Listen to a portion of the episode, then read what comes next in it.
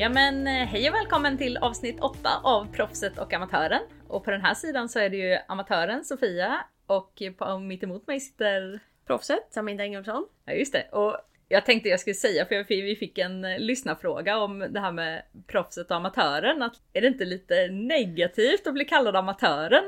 Eh, och någon annan som sa Ja precis, jag fick en som sa men vadå amatör? Om hon är amatör, vad är jag då? ja men det vi tänker är ju att alla som inte jobbar professionellt är amatörer. Ja, så, så fort... det är en ganska stor skara. Det är en ganska stor skara, ja det är ju alltifrån den som rider på ridskola eller bara har hästar hemma och gör inte så mycket till de som faktiskt tävlar på rätt hög nivå men inte jobbar med det. Liksom. Precis. Tittar man på typ eh, trav och galopp så kan man ju vara amatörtränare och då är man ändå ganska proffsig och jobbar med det men man är fortfarande amatör i deras system. Liksom. Ja precis, det är bara att vi det känns som att vi har en lite dålig inställning till amatörer. Liksom, ja ah, men du är en jävla ja. amatör. Ja. Nej och det behöver ju verkligen inte vara något negativt. Nej. Nej, jag, är, att, jag är stolt amatör. Ja, det är bra. men du, nu är du ju hemkommen igen. Jaha. Hur, eh, hur har du haft det? Och vart eh, har du varit? Ja, eh, jag har varit i Linköping på eh, landslagsträff och vi hade även eh, årliga fälttävlansträffen som alla, alla som håller på med fälttävlan eller är intresserade av fälttävlan är inbjudna till att komma på denna. Men om vi börjar lite kronologisk ordning här då så eh, åkte jag upp i fredags Eh, och då är det så att jag sitter ju även med i fälttävlanskommittén som då ligger under förbundet. Där vi ja, hanterar frågor som rör fälttävlan. Och till exempel tittar över tävlingsreglementet och bestämmer vilka saker som ska ändras och sådär. Och då är det ju inte så att vi kan ändra precis hur vi vill. Såklart. Det ska lite mer till. Eh, utan vi samlar in förslag. Alltså alla, vem som helst kan ju skicka in förslag på hur alltså hur de vill att det ska ändras i TR. Och sen eh, sammanställer vi. Eh, vi kanske kommer med några egna förslag. Vi tittar vad är rimligt, vad är inte rimligt, vad kan vi ta beslut om? Vad är liksom snarare kanske allmänna TR? Det finns ju ett TR1 är ju generellt för alla discipliner. Eh, vi behandlar ju bara TR4 som då är fälttävlan. Och sen får ju vi anpassa oss också efter dressyrens TR hoppningens TR och även de internationella FAI rules. Ehm, så att det blir så likt som möjligt försöker vi ha det för att det ska bli så enkelt som möjligt för de som tävlar. Så vi sammanställer allt det där, eh, ger förslag till vad vi tycker ska ändras. Och sen går det vidare till tävlingssektionen som är en egen sektion i förbundet. Och där sitter de och beslutar att det här tycker vi är okej. Okay. Eller inte. Um, Och sen just nu sitter vi då och jobbar med TR för 2025. Så att man ligger ju ett år före. Ja precis. Eh, så det är ju ganska långt fram. Sen kan man göra mindre ändringar kan man göra. Man kan lägga en bilaga och man kan ändra små saker. Om FI ändrar något så kan vi ändra för nästa år till exempel för att vi tycker att det är relevant. Men det, det är inte, du kan inte ändra stora grejer bara sådär liksom. Nej, är det mycket ändringar per år liksom? mycket små saker. Ja, men då kanske FI kommer på att eh, nej men eh, ni behöver inte rida med vita handskar, det är okej med samma färg som på kavajen till ja, exempel. Och då får vi ju ändra i vårat och säga att det är okej. Alltså det är ja. mycket sånt där. Um, Lite formalia nästan. Ja, och till exempel det här också med kandar. I Sverige har vi ju ganska mycket det här att det är frivilligt. Rider du internationell dressyr, alltså dressyr, då måste du ju ha kandar från vissa klasser. Eh, och i fälttävlan så var det ju Fick du ha det från trestjärnigt innan. Nu har det ju ändrats till från fyrstjärnigt. Och då får ju vi haka på. Och det var ju också en sån här grej att okej, okay, FI ändrade plötsligt det. Då får vi haka på snabbt. Eh, alltså så det är mycket så här små grejer. Nu har vi börjat titta lite också på kvalsystemet och så. Eh, och det är ju lite större grejer liksom. Så att eh, det behöver ju få sin det, det, kan du inte bara ändra snabbt utan det kräver lite mera sina kanaler. Ja och att folk också hinner förbereda sig för det tänker jag. Ja och det brukar alltid vara så att här är reglerna som är nya för nästa år. Vi ja. har ju fördelen då att våran säsong börjar ju inte förrän i mars. Nej man hinner läsa in sig. Precis. så att eh, nytt för nästa år till exempel är ju att det har kommit ganska mycket nya dressyrprogram. Och de ligger ju på FIs hemsida. Nu pratar vi då de här stjärnklasserna. Eh, så där kan man gå in och läsa. Så det finns ju Innan fanns det två program per klass. Och nu finns det väl ett, då fanns det A och B-program. Nu finns det C och D-program också. I typ alla klasser. Men det är ju kul. Ja, Lite mer omväxling. det är jobbigt att man måste lära sig nya program. Ja, precis. Inte kul för dig som kanske också ska rida x antal olika. Alltså det ska bli spännande. Jag hoppas ju att också arrangörerna an- använder de nya programmen så att man får rida dem. För Ja. man har ju ridit samma program ganska länge. Mm. Men i alla fall, och sen eh, vi hade lite möte kring det och så pratade vi lite om eh, Vi diskuterade bland annat, vi har lite på den här falltavlansträffen så har vi ju en galamiddag på kvällen där vi delar ut lite priser.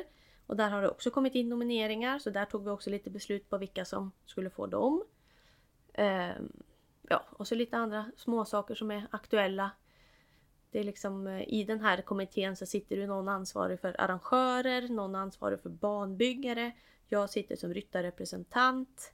Ja, och så förbundskaptenerna och lite sådär. Så att, ehm, ja, men det, jag tycker det är lite roligt att vara med och påverka. Ja, plus att det måste ju vara så kul att hänga med så mycket folk som är så engagerade. Ja, eh, ja, det är ju väldigt roligt att vara på den här Eller blir det mycket meningsskiljaktigheter? Ja, ibland. Men nej, för det mesta är vi faktiskt ganska överens. ja. Men det är också bra att alla inte alltid tycker samma. ja, ja. För då Så får man ju man olika- liksom. Olika perspektiv på saker och så. Mm. Eh, Men nej, det är roligt att träffa likasinnade. Mm. Eh, nej, och sen på kvällen där så åkte jag ju till eh, Mantorp. Där vi hade våran landslagsträning. Och då började vi med avsutten träning. Och då har de ju tagit in eh, Maria Therese Engel från Norge. Som är då sitsexpert. Hon är även veterinär. Har typ dansat lite ballett och sånt där. Har ju en pappa som är också väldigt kunnig och eh, varit engagerad i motsvarande norska olympiska kommittén liksom. Olympiatoppen. Så de har ju forskat mycket. Och det är ju det som också är lite roligt att det är inte bara något hon har hittat på själv utan hon har faktiskt forskat en del på hur saker borde vara och sånt där. Så innan har man ju fått rida mycket på pilatesboll. Men inte i år. Jo, lite grann. Mm. Mm. Eh, och då handlar det ju mycket om hur rör du axlarna, hur rör du höfterna? Om du ska svänga till höger, hur, vad, hur, vad vrider du och hur mycket och åt vilket håll? Ja, ja. Mycket så här, ja men ska du göra en sluta så ska du liksom, du ska välja riktning. I princip så är det så att axlarna styr frambenen, höfterna styr bakbenen. Så att om du vill att Ah. bakbenen ska gå rakt fram så är höfterna på väg rakt fram. Vill du att frambenen sen öppna, att frambenen ska vara innanför spåret och på väg in på volten. Så måste axlarna vara på väg in på volten medan höfterna ska vara på väg rakt fram. Men gud vad spännande, så gör man ju! Ja. Nej! Och det är inte alltid det är så att man gör det nej, helt rätt. Nej, det kan jag tänka mig. Men jag bara känner när jag tänker lite på det att så gör man ju faktiskt.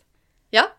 Vad Och det- spännande! Ja. Ja. Och det där är ju en sån, när man börjar tänka på det. Ja, Så tänker man, åh varför funkar inte det här nu? Vad gör jag? ja, Jag gör si, jag gör så. Just det, jag glömde höften där. Eller just det, jag glömde ena sittbenet. Eller... Man börjar ju tänka ganska mycket på vad man gör. ja. Eh, och då är det väldigt nyttigt att göra det också på den här pilatesbollen. För hästen puttar ju åt olika håll, det går ganska fort. På pilatesbollen kan du sitta i lugn och ro, tänka. Okej, axlarna dit, vikten dit, höften dit. Mm. Att man hinner med. Mm. Så kan man ju rida sitt dressyrprogram på bollen. Liksom. Men nu, vi har ju haft, det tredje gången vi har henne nu. Eh, så nu var det lite mer fokus på hoppsitsen. Och då fick vi, hon har ju en röd matta med sig som är som en skumgummimadrass. Som man ska gå på. Och så ska man gå på den och blunda. Och har man någonting obalans eller snedbelastning så blir det så mycket tydligare när du blundar. Jag vet inte hur många gånger jag har liksom driftat till höger och utanför mattan. För den är inte speciellt bred. Den är kanske en halv meter bred. Liksom. ja. Men det är hyfsat rakt så. Eh, och så fixar hon lite med sulor och grejer och så får man kanske på sig ett par skor så att man får hjälp med fötterna. Så att när fötterna är korrekta så blir det även knäna och det fortsätter liksom uppåt. Jag har ju så att insidan av mina fötter ramlar ner. Mm. Så jag har ju väldigt mycket uppbyggt på insidan. ja, ja. För att knäna inte ska klämma. Inget knäslut här inte. Det får man, det är slut på det. Det är slut på det. Ehm, nej, så då gick vi där lite fram och tillbaka och sen började vi med att ehm, hoppa över pinnar på ett ben. Ja, med de här glasögonen. Ja, precis. Vi började utan glasögon. Ja, ni börjar utan glasögon. Men just det där att då hade hon ju byggt om mina fötter lite. Då måste jag hitta balansen på nytt. Mm. på ett ojämnt underlag, alltså Mm. ostabilt Mm. underlag. Och bara liksom stå på ett ben, hoppa över pinnen, hitta balansen Mm. utan att ramla. Mm. Och så fick man en boll i händerna som ska gå hela tiden. Så att man liksom, när man koncentrerar sig så ska fortfarande bollen gå. Alltså du ska ju fortfarande rida så du Ja. måste ju fortfarande göra saker. Vad lätt. Ja. Och sen satte hon ju på de här skidglasögonen som då har silvertejp på sig. Så att man ser bara en, en springa på en halv centimeter rakt Mm. över öron, ö, öronen. ögonen i alla fall. Så att man liksom, man tar ju bort väldigt mycket av synen. Men du kan fortfarande, alltså blundar du så blir det väldigt svårt att hålla balansen. Nu ser du ändå lite grann, men du tar bort liksom pinnarna till exempel. Mm. Hur långt ska man hoppa? Nej. Vi fick ju även upphöjda pinnar. Hur högt ska man hoppa? Det är bäst att ta i för säkerhets skull. Ja. Liksom. Eh, och så skulle vi göra där hoppa då på ett ben. Och även på två ben då när det var lite upphöjt. Och hitta balansen utan att då ramla in med knäna och så. Men det var väldigt intressant med de där eh, skidglasögonen. För du tar bort väldigt mycket intryck.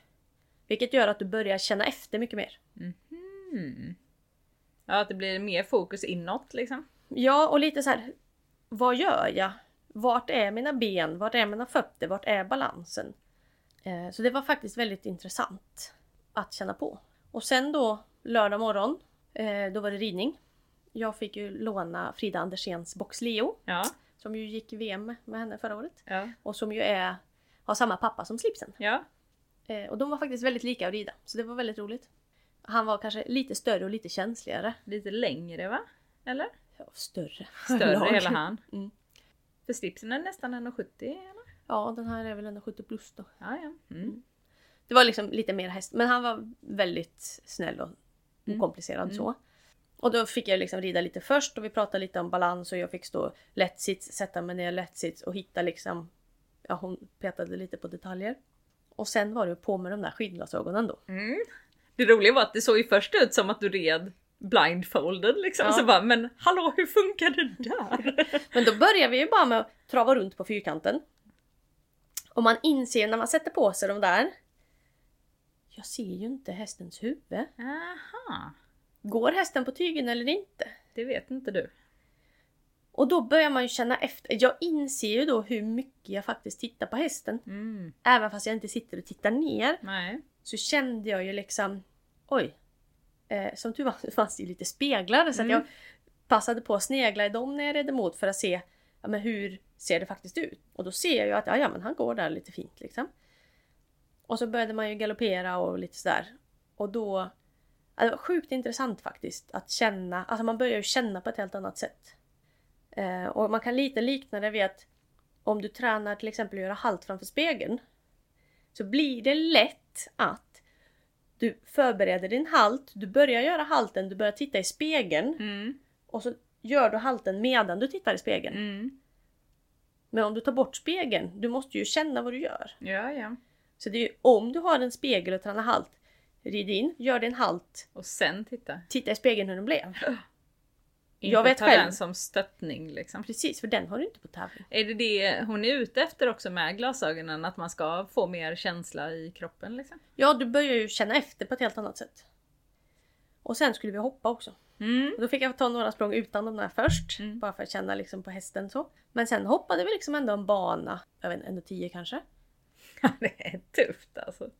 Och grejen är, alltså aldrig har ridit så bra liksom. Okej.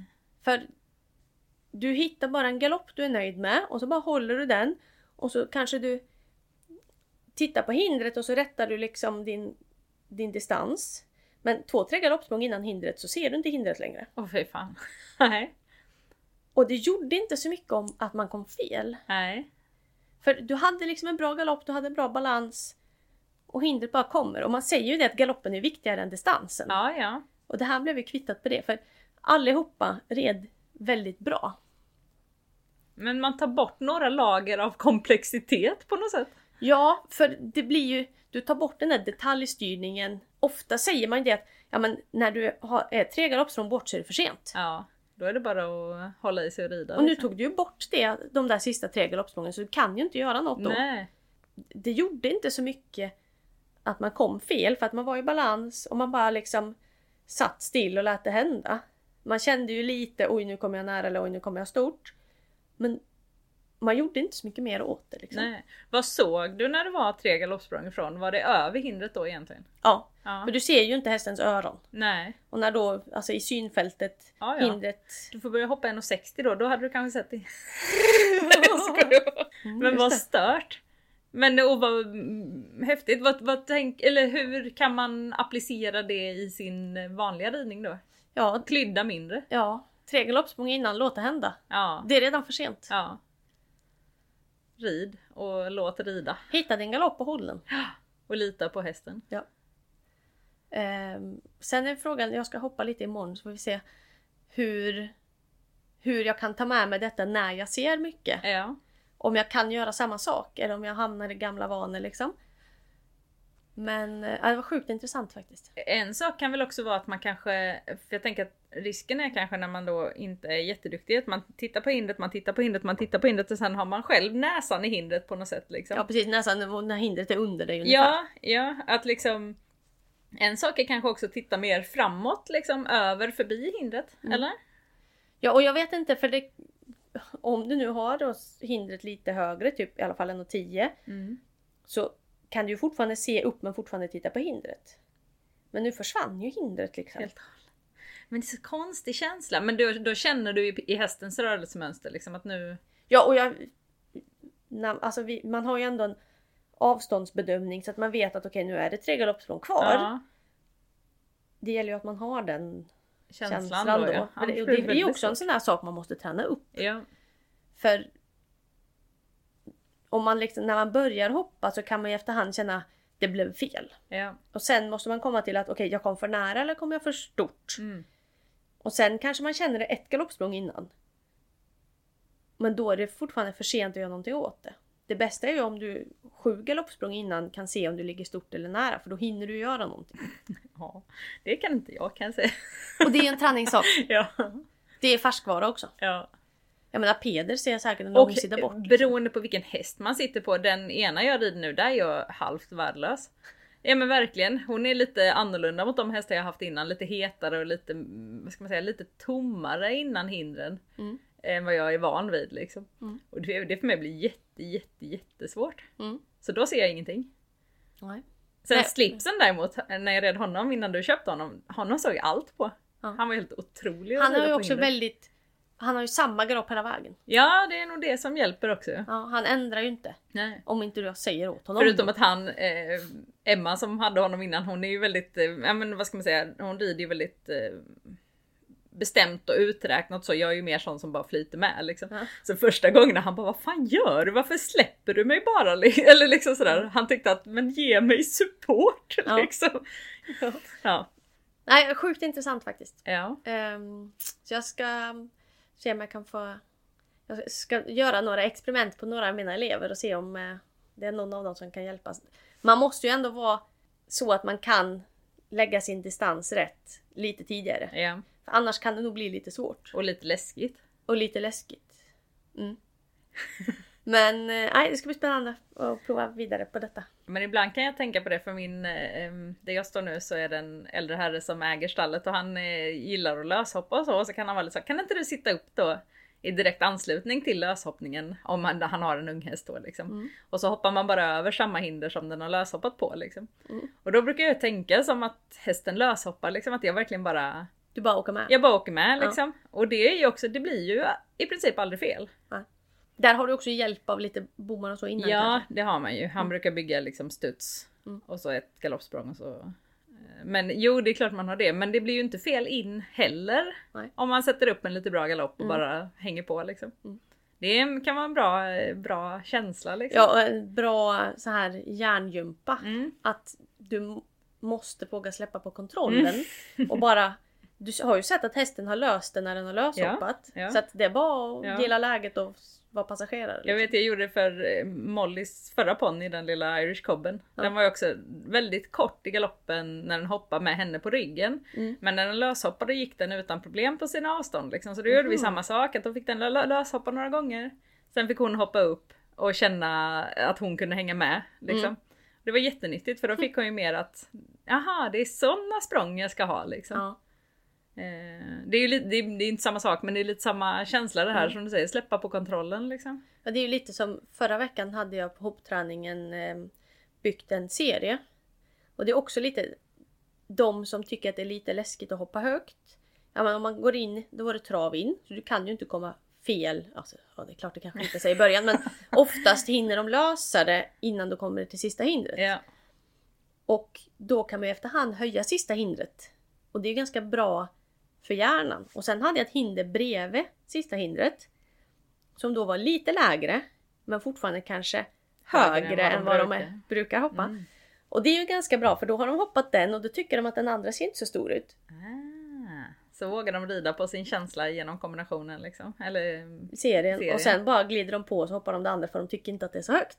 ah. Det är faktiskt ganska smart om man tycker att det är läskigt att hoppa högt. Liksom. Ja. Bra sätt att göra det på. Ja. Ja, det ska bli spännande att höra vad du säger framåt. Mm. Ja, det ska bli spännande att hoppa hästarna nu, mina egna hästar, och se om jag kan liksom ta med mig känslan. Vad tar man med sig från den eh, avsuttna träningen då? Är det liksom... Ja men det är ju lite där känslan av dels känna på hur det är med de där glasögonen. Och också det här med balansen. Hur ska jag hitta balansen på mina ben? Eftersom jag då gärna ramlar ner på insidan av foten så åker gärna knäna in. Jag måste ju tänka lite att knäna ska nästan ut istället. Då hittar jag balansen mycket bättre. Men det är så störigt. Mina favoritstigbygglar som är superpopulära, de här eh, free jump rackarna. Mm. De är ju så otroligt sköna att rida i men de får man ju en jäkla vinkel inåt Japp. i fotleden. Eh, så där automatiskt, bara du rider med dem så får du ett knäslut liksom. Du Och kan testa och sätta höger på vänster och vänster på höger och vänd dem ut och in. Se om det blir någon skillnad. Ja det måste jag prova. För det, jag Det är försökte- fortfarande kanske inte optimalt men Nej. du får lite annan känsla. Men byter du plats på dem så får du fortfarande foten på rätt håll så att säga. Mm, Ja det måste jag prova för det är så irriterande. Jag har provat lite andra stigbyglar nu och inte hittat några som jag riktigt trivs med. För jag tycker om tyngden i de här, jag tycker om eh, materialet liksom. Det är så mycket med dem jag gillar jättemycket. Men just den vinkeln hade jag velat komma ifrån egentligen. Jag kan inte rida i sådana för jag får ont i knäna. Ja, jag får bara lite dålig sits. Men jag- den är, de är ju verkligen gjorda för knäslut. Liksom. ja, de men varför då? Det har väl inte varit modernt att rida med knäslut de senaste 15 åren? Ja, jag har 30 år nästan. 30 åren? Det var typ på 90-talet man Ja. slutade med det. Ja, varför är det så? Jag Varför vet vill de inte. det? För de är ju extremt vinklade, är de inte det? Ja. Ja. Och det är också om du, jag som då ofta står på marken, om jag har liksom, ja nu samlas vi här och så tittar man från marken så ser man ofta att när ryttarna sitter och bara sitter på hästen så har de ett par sådana stigbyglar så är det ofta en glipa mellan stortån Ja. och stigbygeln. Ja. under foten ja. Under foten. Ja, att den är så pass vinklad ju. Ja, så jag tycker faktiskt det är ganska konstigt. Sen märker man att det, är, det märkte jag när jag har provat lite andra, att det är rätt mycket svikt i dem. Så jag tror att sen när du lägger lite tryck och rider i, då vinklar de nog ner sig lite grann liksom. Mm. Att den, liksom när man är i sitt tyngsta läge då är den nog lite rakare än när man står stilla liksom. Mm. För när jag fick på ett par andra så bara, fan, det blev så himla stumt. Ja. Men testa där och byt plats. Ja, det ska höger göra. på vänster och. Ja, jag ska se om jag lyckas fatta vad du menar, du får visa mig. Ja, men det är lite intressant att höra sen om, du, om det Ja, är någon om det skillnad. blir skillnad. Jag har själv inte provat. Jag har mest bara testat på någon elev och sådär. Mm. Ehm, och frågan är om de kanske vinklar om sig ändå när du väl får de fötterna i och lägger tyngd på. Jag, Mm. Mm. Ja, vi får prova. Ehm, nej, och sen ehm, fortsatte ju dagen där vi hade lite... ehm, åkte tillbaka till Linköping då, till Fälthallandsträffen och hade ehm, så här sociala medier-träning med eh, Johanna Dueboye. Kul. Ja, hon berättar lite hur, vad hon gör och hur hon tänker när hon lägger upp. Och hon har ju ganska lätt för det. Hon är ju väldigt mycket mer kreativ än vad vi andra Ja, jag tänkte är. säga det hade vi behövt. Ja. Eh, Men det var roligt för hon hade ju mycket idéer på vad hon skulle vilja se att vi lägger upp. Så jag har antecknat lite, vad, lite idéer sådär. Mm. För det är det som är svårt att veta. "Åh, vad ska jag nu lägga upp? Men det här är ju inget roligt att se, Mm. tänker man. Nej. Eller lyssna på. Eller lyssna på. Men jag har ju fattat att folk tycker att det är lite roligt. Ja. Många saker man gör liksom. Ehm, Så det var bra. Eh, Och sen hade vi en övning där vi hade krishantering. Mhm. Och först pratade hon lite om hjärnskakningar och lite sådana saker. Och sen eh, fick vi en eh, uppgift där vi hade liksom olika case att diskutera. Och då till exempel, nu kommer jag inte exakt ihåg, men du är i stallet. det, två stycken i stallet har eh, ridit ut. Och eh, plötsligt kommer båda hästarna springande till stallet. Vad gör du? Och då är det lite det här vilken ordning ska du göra saker? Vad ska, vad ska du göra? Mm. Och det var mycket, hon gick ju igenom där också lite så här hjärt och lungräddning och hjärtstopp och alltså fria luftvägar, massa sådana grejer. Men ja, Ja, vad, vad skulle du göra? Jag hade ju fångat hästarna först. Ja, Eh, satt in dem. Ja. Sen hade jag ju försökt ringa till Ja. någon av dem som är ute. ja, förhoppningsvis är det i alla fall en av dem som svarar. Ja. Eh, och sen beroende på det då antingen ut och leta då om man inte får tag på dem. Ja, eller dem. Förhoppningsvis, Eller? ja, förhoppningsvis har ju någon sagt vart de skulle. Mm. Eh, och men har de inte det då får man ju så här, man känner väl förhoppningsvis ridslingorna kring stallet liksom. Ja, och lite också, som sagt, det ska ju ganska mycket till för att båda två inte svarar i telefon. Mm. Så att oftast är det i alla fall en som svarar. Men Ja. vad, vad ska man göra? Nej, det var mest en diskussionsuppgift. Ja okej. Mm. Mest att man ska tänka till lite. Ja.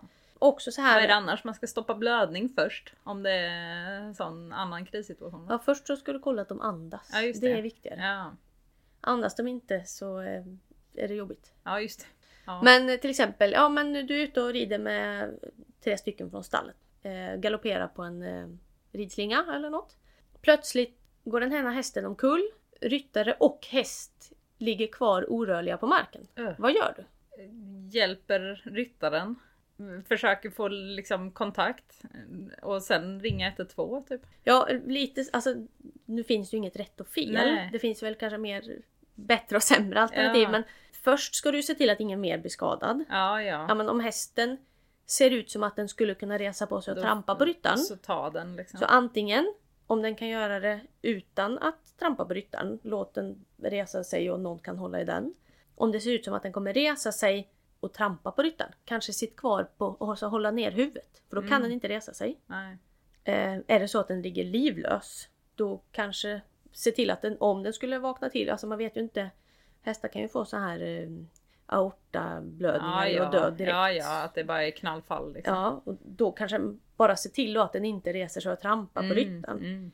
Och sen då kanske kolla om Jag har inte ryttaren ens tänkt på andas. att du kan, nej det är klart du kan hålla ner hästen genom att sätta det på halsen typ. Huvudet. Ja, och kanske om man nu är fler. En kan hålla i några hästar. En kan ta hand om hästen, en kan ta hand om ryttaren. Alltså, Mm. Det finns ju så olika. Ja, Aha, hur ja. ligger hästen? Hur ja, ligger ja, ryttaren? Ja, ja. Det är ju mycket om och men. Liksom. Ja, och sen också kolla då, andas ryttaren? Annars hjärt och lungräddning. Mm. Kanske rensa luftvägar. Ringa efter hjälp. Och då finns ju en app som heter 112. Den är ganska bra tydligen. För då eh, kan... eh, De ser vart man är. Precis. Det är väl bra, det finns väl i vissa av telefonerna med, i iPhone- iPhone i alla fall, sån eh, lokalisering liksom på Mm. många. Om man har aktiverat det. Som Ja. ryttare är det ju egentligen rätt bra att ha. Ja. Och det var ju som någon hade så här eh, smart klocka. Mm. Som då, om man ramlar, så frågar klockan Det verkar som att du har ramlat. Mår du bra? Ska vi tillkalla hjälp? Det är jobbigt. Bara, nej, nej, nej, nej, nej, du behöver inte! Och är det så att du inte svarar så ringer den ju upp. Jaha, jag tänkte säga för vad händer om man inte om man är medvetslös? Liksom? då gör den det. Då larmar den Ah, nog. ja. Ja det är klart den känner puls och sånt med då antagligen. Ja, det, det behöver den ju inte göra men den märker ju då att du har snabbt ändrat riktning Ja, ja. på något vis. Så man, nej, nej, nej, du behöver inte ringa 112. Och men apropå det med sä- det såg jag igår i världscupen förresten. Nästan alla tjejer rider nu med med luftväst. Ja. Eller inte, jag vet inte om det var nästan alla men det var Fler än vad du har tänkt på Fler innan. än vad jag tänkt på innan. Väldigt många tjejer red med luftväst. Ja. Spännande med tanke på säkerhetsfrågan. Att det är liksom, nu är det rumsrent på 1,60 nivå. Det är väl fint att se. ja, att de också tänker lite säkerhet. Ja. Och det är många som rider men det har ju kommit ytterligare någon super safe hjälm som jag också ser. Den är faktiskt inte alls fin. Men eh, Ja, är det den som inte har någon... ja, den har världen ser ut som en gammal Jofa-hjälm gånger tre liksom.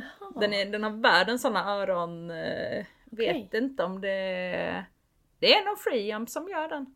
Mhm. Ja, den ska vara supersafe. Den är också flera som rider med nu. Eh, Okej. Och den ser ju rätt skum ut måste jag säga. Det är väldigt mycket hjälm. Jag känner att jag har missat något. Ja, men med tanke på säkerhetsbiten. Jag tycker bara det är fint att se att det är så många som tävlar med luftväst. Ja, och där, det börjar ju hända ganska många saker inom säkerhetstänket. Det märker man ju på fälttavlan också. Att vi vill ju alla att fälttavlan ska vara så säkert som möjligt så att vi kan fortsätta hålla på. Ja, ja. För det är ju så roligt. Ja. ja. Alltså i fälttävlan måste du kvala väldigt mycket. Du måste ju ta ett fälttävlanskort och träna innan du ens får... Alltså det är ju inte så konstigt i och för sig. Du tränar ju hoppning innan du tävlar hoppning också. Ja, fast det är ju ingen som säger att du måste kunna hoppa en bana innan du... Alltså någonstans ett fälttävlanskort är ju att du ska hoppa alla typhinder som ingår i de enklare klasserna Ja, innan du får tävla. innan du får lov att tävla. Det är jättefint och att en tränare då som är godkänd för det ska, eh, ska godkänna det liksom. Ja. Ja och just det där med kvalsystemen, du måste ju redan från början så måste du kvala dig upp. Men den hoppningen kan du gå in ganska högt utan att behöva gjort något innan. Ja, när börjar kvalen där? Är det när man börjar komma upp på 1.35 eller? Du måste kvala till 130. Okej. Mm. Jag tror inte du måste kvala till 120. Nej, tror inte jag heller. Alltså jag vet inte. Nej. Nej. Eh, alltså det skulle inte falla mig in att gå rakt ut i 120 med någon. Nej. Så- Nej. Jag, jag är lite för mesig för det. Ja. Eh, sen är det klart, ju duktigare du är, ju fler genvägar kan du ta. ja. Det som jag nu, eftersom jag har tävlat ganska mycket, så kan ju jag göra lite genvägar i fälttävlan också. ja, precis. Eh, för att jag har en viss kategori liksom. Ja, du måste inte kvala med kanske just den hästen för att få lov att rida. Nej, jag kan, jag har för mig att jag kan gå rakt in i tvåstjärnigt. Ja, Sen är det klart, man skulle inte gå rakt in i tvåstjärnigt med en häst som inte har gjort det innan. nej. Alltså, Ja, man vill ju inte dö. nej. liksom. Man vill inte heller utsätta varken sig själv eller hästen nej. för det liksom. Nej. Utan hästarna måste ju få en chans att lära sig vad de ska göra Ja. innan de kräver att man ska göra det. Ja. Ehm, nej, så att jag, kvalsystemet är ju ändå ganska fungerande. Du måste liksom rida en viss del innan du får gå vidare. Liksom. Sen eh, är alltså det är ju bara vad, ju bättre förberedd du är, ju säkrare blir du också. Ja, någonstans, fälttävlan handlar ju väldigt mycket om att hästarna ska förstå vad de ska göra och de förstår ju det genom att man har tränat liknande saker Ja. innan. Så det är ju väldigt få hästar som går ut och så är det saker de inte har sett innan. Liksom. Eller om man är en duktig, om man är duktig på att träna fälttävlanshästar då ska de ju inte bli förvånade Nej. ute i terrängen. Liksom. De ska ju liksom bara, okej jag ser uppgiften, Ja, jag fattar den, jag ja, gör det. Och där också, eh, banbyggarna, duktiga banbyggare gör ju att hästarna fattar vad de ska göra vilket gör att det inte blir tokigt. Mm. Har du en sämre banbyggare då kanske hindret blir otydligt och det är då du får olyckorna också. Om hästarna inte fattar vad de ska göra. Och där kommer vi till det här med form på hinder, färg, marklinjer. För att underlätta för hästarna att fatta vad de ska göra. Ja och någonstans vad blir det? Vart kan, eller hur kan man lägga svårigheterna då? För det ska ju samtidigt vara den Mm. bästa ska vinna liksom. Och det är därför vi har fått mycket så här smalhinder och spetsar och sådana Det är saker. teknik och där ryttaren måste vara kvick Ja. och med och vaken. Ja, och Men häst- det händer inte så mycket om hästen råkar smita vid sidan. Liksom. Precis. Och det är också samma sak om hästen liksom du, ju mer du tränar på smalhinder så kan de ju bli smalare och smalare. Har, jag vet inte, du vet den här sockerbit challenge. Ja, Om du sätter upp fyra sockerbitar bredvid varandra och så tar du bort en och så tar du bort en Ja, så, ja, ja. tills du har Mm. bara en kvar. Mm. Det är också ett sätt att hade du bara satt fram en sockerbit från början så hade ju kanske inte hästen fattat. nej Men nej. gör, börjar du lite större och gör det smalare och smalare så är det ju lättare. Ja, vi hade ju bästa, jag är uppvuxen i Småland. Vi tränade våra hästar att hoppa över stenar. Just det. Så vi hade ju perfekt när man så här, för det kunde ju vara på alltså, vilka fält som helst kunde ju helt plötsligt vara stenar mitt i allting liksom. Jaha. Så vi tränade, de kunde ju hoppa så liksom 40 cm breda stenar. Ja, ja, ja. Perfekt. Det var inga problem att så här, sätta en tunna på högkant och hoppa med våra ponnyer. Liksom. De var så vana att gå på smal. Och det är ju ganska imponerande också för men ju, ju mer man tränar ju Ja. bättre förberedda är de ju och fattar vad man ska göra. Ja, ja.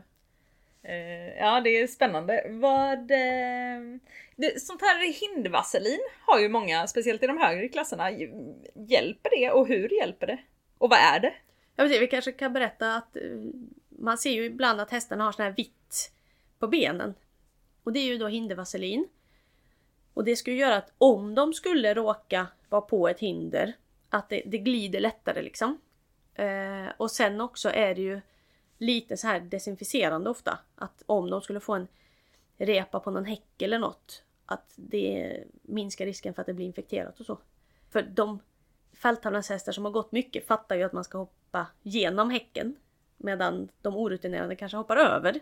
Eh, och så fort de lär sig hoppa igenom så kan det ju bli små rever eh, ibland. Och då, då är det bra med lite så bakteriedödande. Ja, ja. Sen om det hjälper, ofta kanske det bara är i huvudet på Mentalt. ryttaren. ja. Men det är klart, om du behöver det en gång av 10 000. Det är klart. Ja, ja, den gången är den bra. gången kanske det gjorde skillnad. Det Ja. vet man ju inte. Nej. Och det är kanske också därför man sätter på det. Liksom. Ja. Jag har ju också gjort det lite till en grej för att jag gör det. Jag rider fram utan och sen sätter jag på det och så tar jag två språng och så går jag till framridning. Eller till starten. Och då blir det också lite det här för hästarna att okej nu gör vi det här, nu är det dags. Mm. Då laddar de igång ordentligt liksom. Har man en häst då som kanske laddar för mycket. Då kanske man vill sätta på det innan. Men jag har ju gjort det lite till en grej att Game on! Game on precis. Nu kör vi! Jag, hade, Ehm. jag brukade alltid så här, klappa mig själv hårt på benen och så klappar hästen hårt på halsen och så klappar jag själg hårt på benen. Och så Kom igen så, ja, så gjorde jag så några gånger innan och det gjorde också så hästarna bara oh, oh, Nu är det dags! liksom. Tagga, tagga.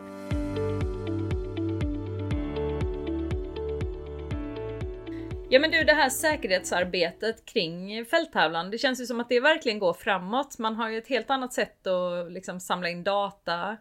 Man anpassar sporten mycket. Vad tänker du om det liksom? Det händer ju saker hela tiden och eh, reglerna anpassas ju också hela tiden.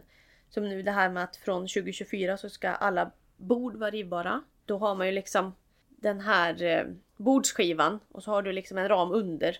Och så om hästen hoppar och slår i hindret hårdare än vad man kanske borde. Så ramlar liksom den här bord, bordsskivan ner på ramen. Den följer liksom hästen framåt neråt. Eh, för att då hindra de här rotationsfallen. Så att förhoppningsvis kan alla landa på benen. Ja. Och eh, det är mycket så här forskning också med marklinjer och färger på hinder. Och, alltså ett hinder ska inte målas i samma färg som bakgrunden utan då kanske du måste ha någon markering på vart är toppen av hindret. Eh, och det är ju också mycket mer häckar på hindren idag än vad det har varit tidigare. Eh, Vilken typ av häck? Alltså det är ofta lite kanske, ja det är väldigt olika men det kan ju vara eh, björk, alltså lövhäck. Det kan vara vass. Det kan ju vara lite, lite hårdare grenar liksom snarare, alltså en lite tätare häck. Det kan ju också vara glesare häck, det beror lite på vad det är för hinder. Om du bara vill ha en stock med lite säkerhet på så kanske du har en lite hårdare. Ehm, så länge det ger efter lite grann liksom om det skulle bli tokigt. Ja så att det finns någon, eh, någon mån? Eller vad ska lite säga. marginal på fel marginal liksom. Mm. Ehm, och sen ehm, också det här med liksom kvalsystem och om du till exempel trillar av två tävlingar i rad så måste du gå ner en klass innan du får Aha. gå upp igen. Ehm, Det är ju jättebra ju. det är jättebra. Så att om du misslyckas för mycket så får du backning Ja, på det och nu ja. måste du hem och träna mer och rida lägre klass. Ja men fint ju. Ehm, och just det här också att jag vet att nu samlar de ju in information. Frågan är om det var på EMet eller om det var någon annan tävling. Ehm, där de ju har mätt liksom hästarnas rörelser. Då kollar de ju språngkurva, eh, hastighet och lite så. Och då kan de ju se då när blir hästarna trötta? Mm. Hur, när blir sprången sämre? Mm. Och sen får banbyggarna ju lära sig utifrån det. Var måste vi köra in fler rivbara hinder? Vart kan vi ha de svåraste frågorna? Nu är det ju inte heller... Alltså man har ju... De svåra grejerna är ju ofta smalhinder eller spetsar. Alltså det är mer precisionsfrågor. Ja. Där det är ryttaren som verkligen måste vara vaken och hästarna måste vara väl tränade på vad de ska göra liksom. Ja och lite alerta på vad vill ryttaren? Jag måste också vara snabb på att läsa hindret. Och det felet som blir oftast i de lägena är att hästen snarare glider vid sidan snarare än att de eh, Slår sig. slår liksom. sig. Ja. Eh, och kanske också jag tappar sin ryttare ibland om inte Ja. ryttaren sitter i balans men oftast alltså det blir ju ändå färre och färre fall för både häst och ryttare. Ja. Det känns väl också som många fall som sker i typ vatten. Ja, Och det är ju sällan det blir något allvarligt av det. man blir lite blöt. Ja, eller mycket blött. Ja. Nej så att det verkligen händer saker och de hela tiden håller på och forska och samla information och försöka göra saker så bra som möjligt så att i framtiden har vi ju förhoppningsvis ännu färre Ja, eh, allvarliga fall liksom. ja. Eh, och sen också lite roligt med alla de här rivbara hinder. Det finns ju lite olika varianter. Det finns ju dels de här mimklipsen och sen finns det ju pins. Alltså att man har en, om du fäster en stock så har de pinnar under och får du ett visst tryck på stocken så ram, går den här pinnen av och så ramlar den ner. Men de här mimklipsen det är ju Hur- ändå svensk uppfinning faktiskt. Så ja det är lite roligt. Hur sätter man upp dem då igen? Mitt i tävlingen liksom. Sätter man bara in en ny Pinne, antar pinne då? Ja, du får lyfta upp stocken och så får du sätta in pinne. Ja. Ja, du måste väl ha traktor då antar jag. Ja, ja. Det är ju fördelen med MIM för där har du gångjärn. Ja, så det är bara hump. Man kanske måste vara några stycken för att lyfta upp den. Men Ja. sen är det bara på med ett nytt klipp så sen är det klart. Liksom. Ja, ja, vad sa du? Det är ett svenskt system ja. Det är fantastiskt för det och- används ju över hela världen. Ja, hela världen. Eh, och Sverige har ju alltid varit ganska tidigt ute med säkerhetsfrågor. Ehm, ofta är det liksom att svenskarna trycker på att vi måste göra så här. Typ det här med marklinjer har ju också Sverige varit ganska på Ja, med. byte till plastflagg. Kom väl tidigt här också. Precis, för eh, de anser ju då att plasten är säkrare liksom. när den, om den går av eller kanske helst inte går av. Så är det bättre än om man får träflisor liksom. Ja, och att nu sitter de ju oftast i hållare där de bara slås ner. Istället, de är inte fastspikade alltid liksom, Nej, utan de är mer bara, det är själva hållaren som är fastspikad och så kan flaggen bara flopp Ja. ramla av liksom. Ja. Eh, Och det gör ju också en stor skillnad säkerhetsmässigt. Ja. Både för häst och ryttare. Ja, verkligen. Så det är faktiskt, det, det går hela tiden framåt. Ja. Eh, och det är vi tacksamma för. Ja, för de som inte har ridit fälttävlan och för de som kanske bara ridit lite grann. Det är ju en fantastisk sport som är, ja, det är ju något helt annat. Jag tänkte på det också när jag kollade på världscupen igår.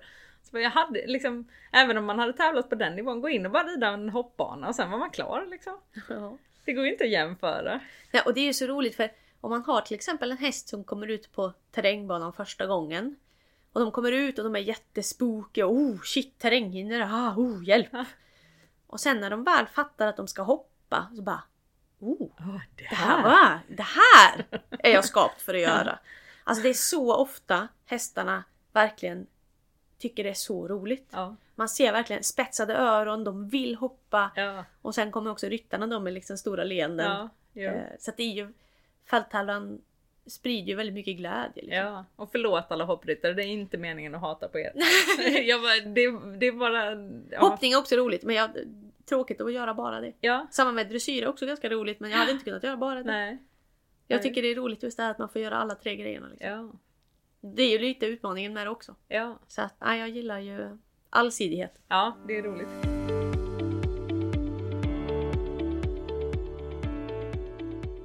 Ja, alltså jag tänker om man då går från säkerhet men ändå tänker kring fälttävlan.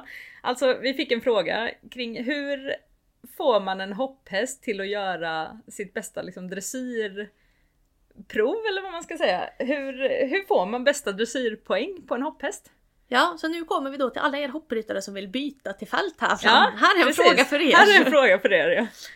Eh, ja, då har vi ju slipsen är ju ett exempel. Han var ju hopphäst innan. Ja, Eh, och hur får man honom att få så bra poäng som möjligt? Alltså, har du en ridbar häst som gör rätt sak på rätt plats och du som ryttare är noggrann och rider bra vägar så får du ändå ofta ganska okej poäng.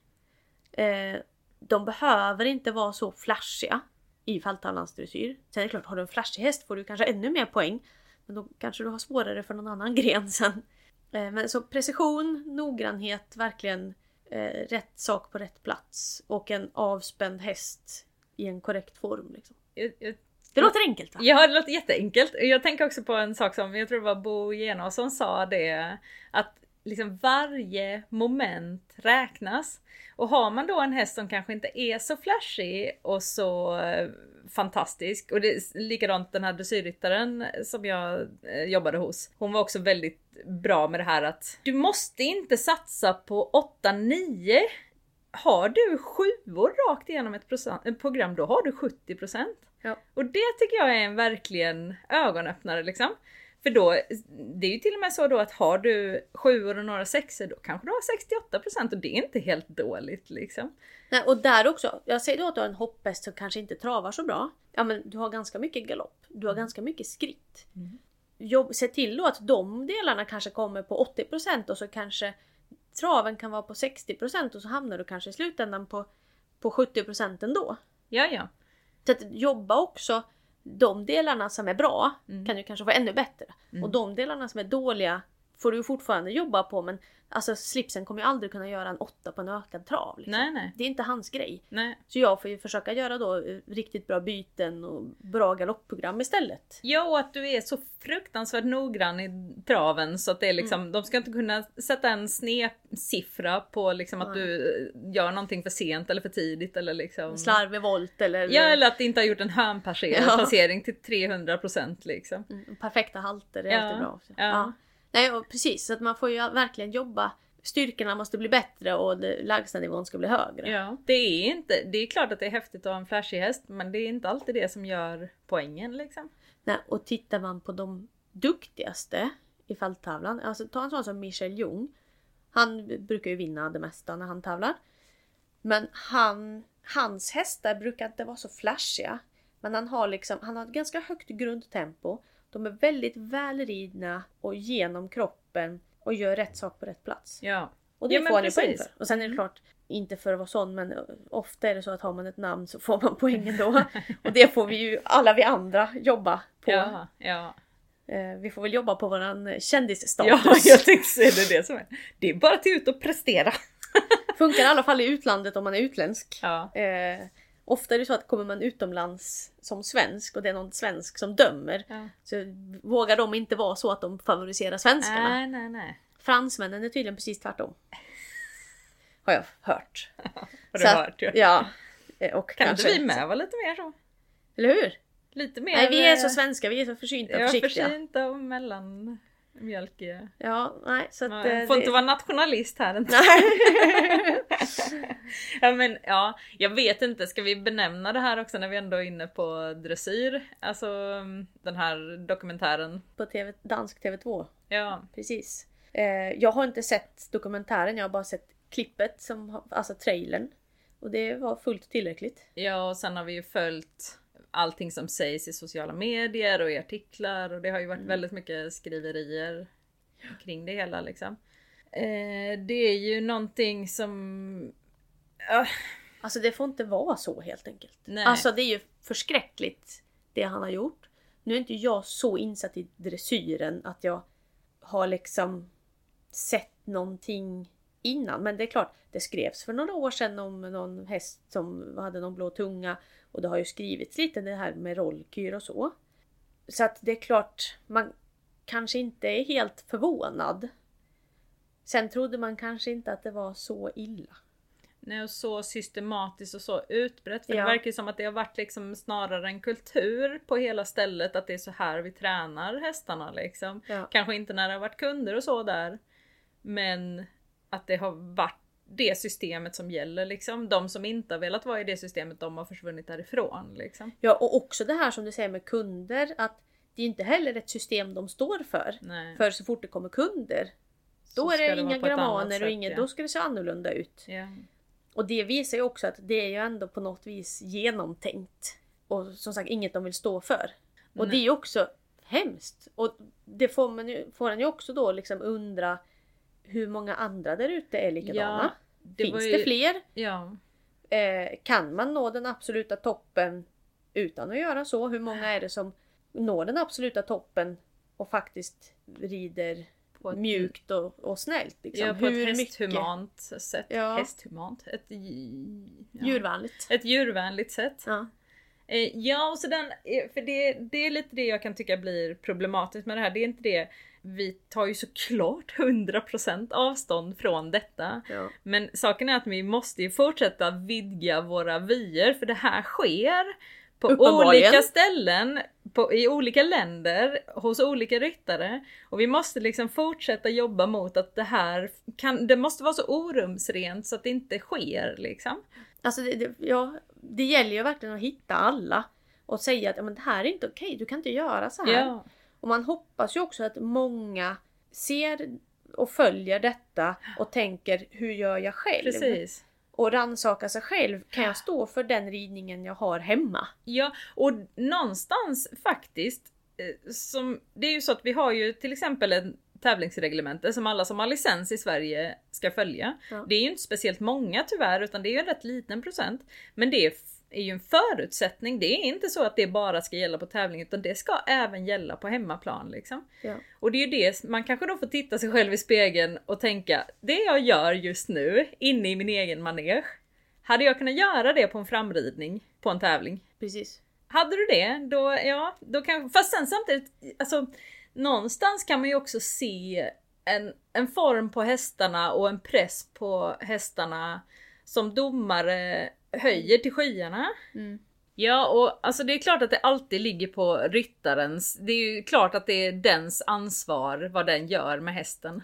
Eh, men vi har ju ändå domare som Dömer på ett visst sätt. dömer på ett visst sätt och jag tänker att de hade haft rätt mycket kontroll i att började de döma en lite öppnare form så är det klart att alltså folk vill ju vinna.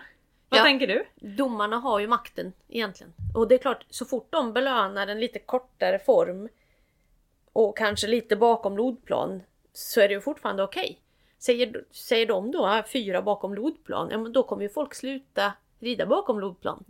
Och kanske hellre att du, om du har lite mer öppen form och faktiskt får poäng för det, så det är klart att man... Alltså domarna har makten till att ändra på det. Ja, ja. Och jag tycker också det är konstigt egentligen att de inte gör det.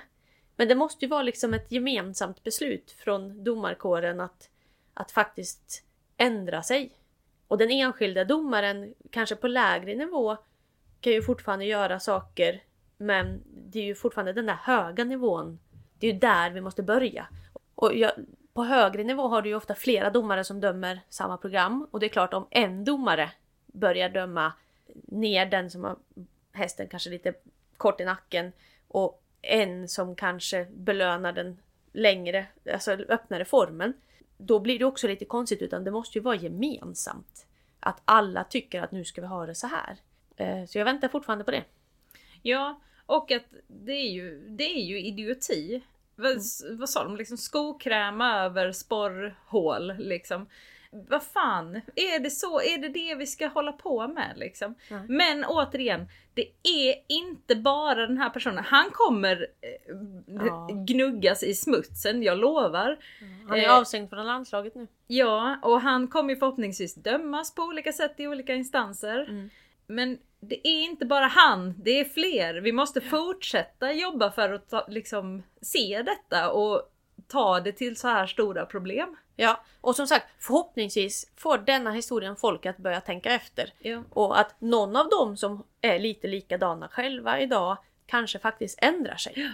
Det är ju liksom aldrig för sent att ändra sig. Nej, och att det inte bara blir till någon typ av greenwashing. Åh, så fruktansvärt. Åh, han är hemsk liksom. Utan Nej, man måste faktiskt göra gå någonting. hem till sig själv Ja. först och främst liksom.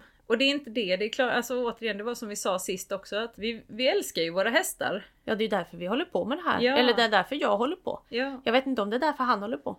Han är nog, håller nog mest på för att tjäna pengar. Ja, det är nog mer vinstdrivet känns Mm. det som.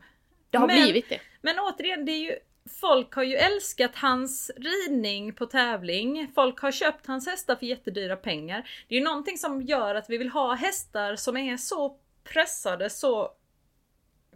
Jag kan inte förklara det riktigt. Nej, och han, han köper ju alltid väldigt fina hästar.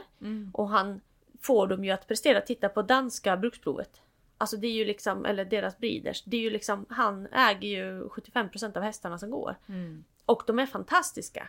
Men det är också, han köper in väldigt dyra fina hästar. Det är klart han säljer dem ännu dyrare.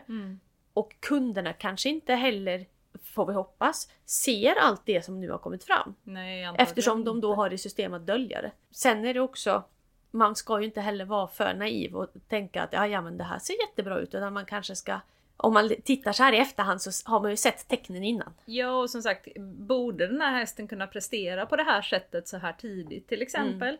Det är ju vissa saker som, varför presterar de så högt så unga?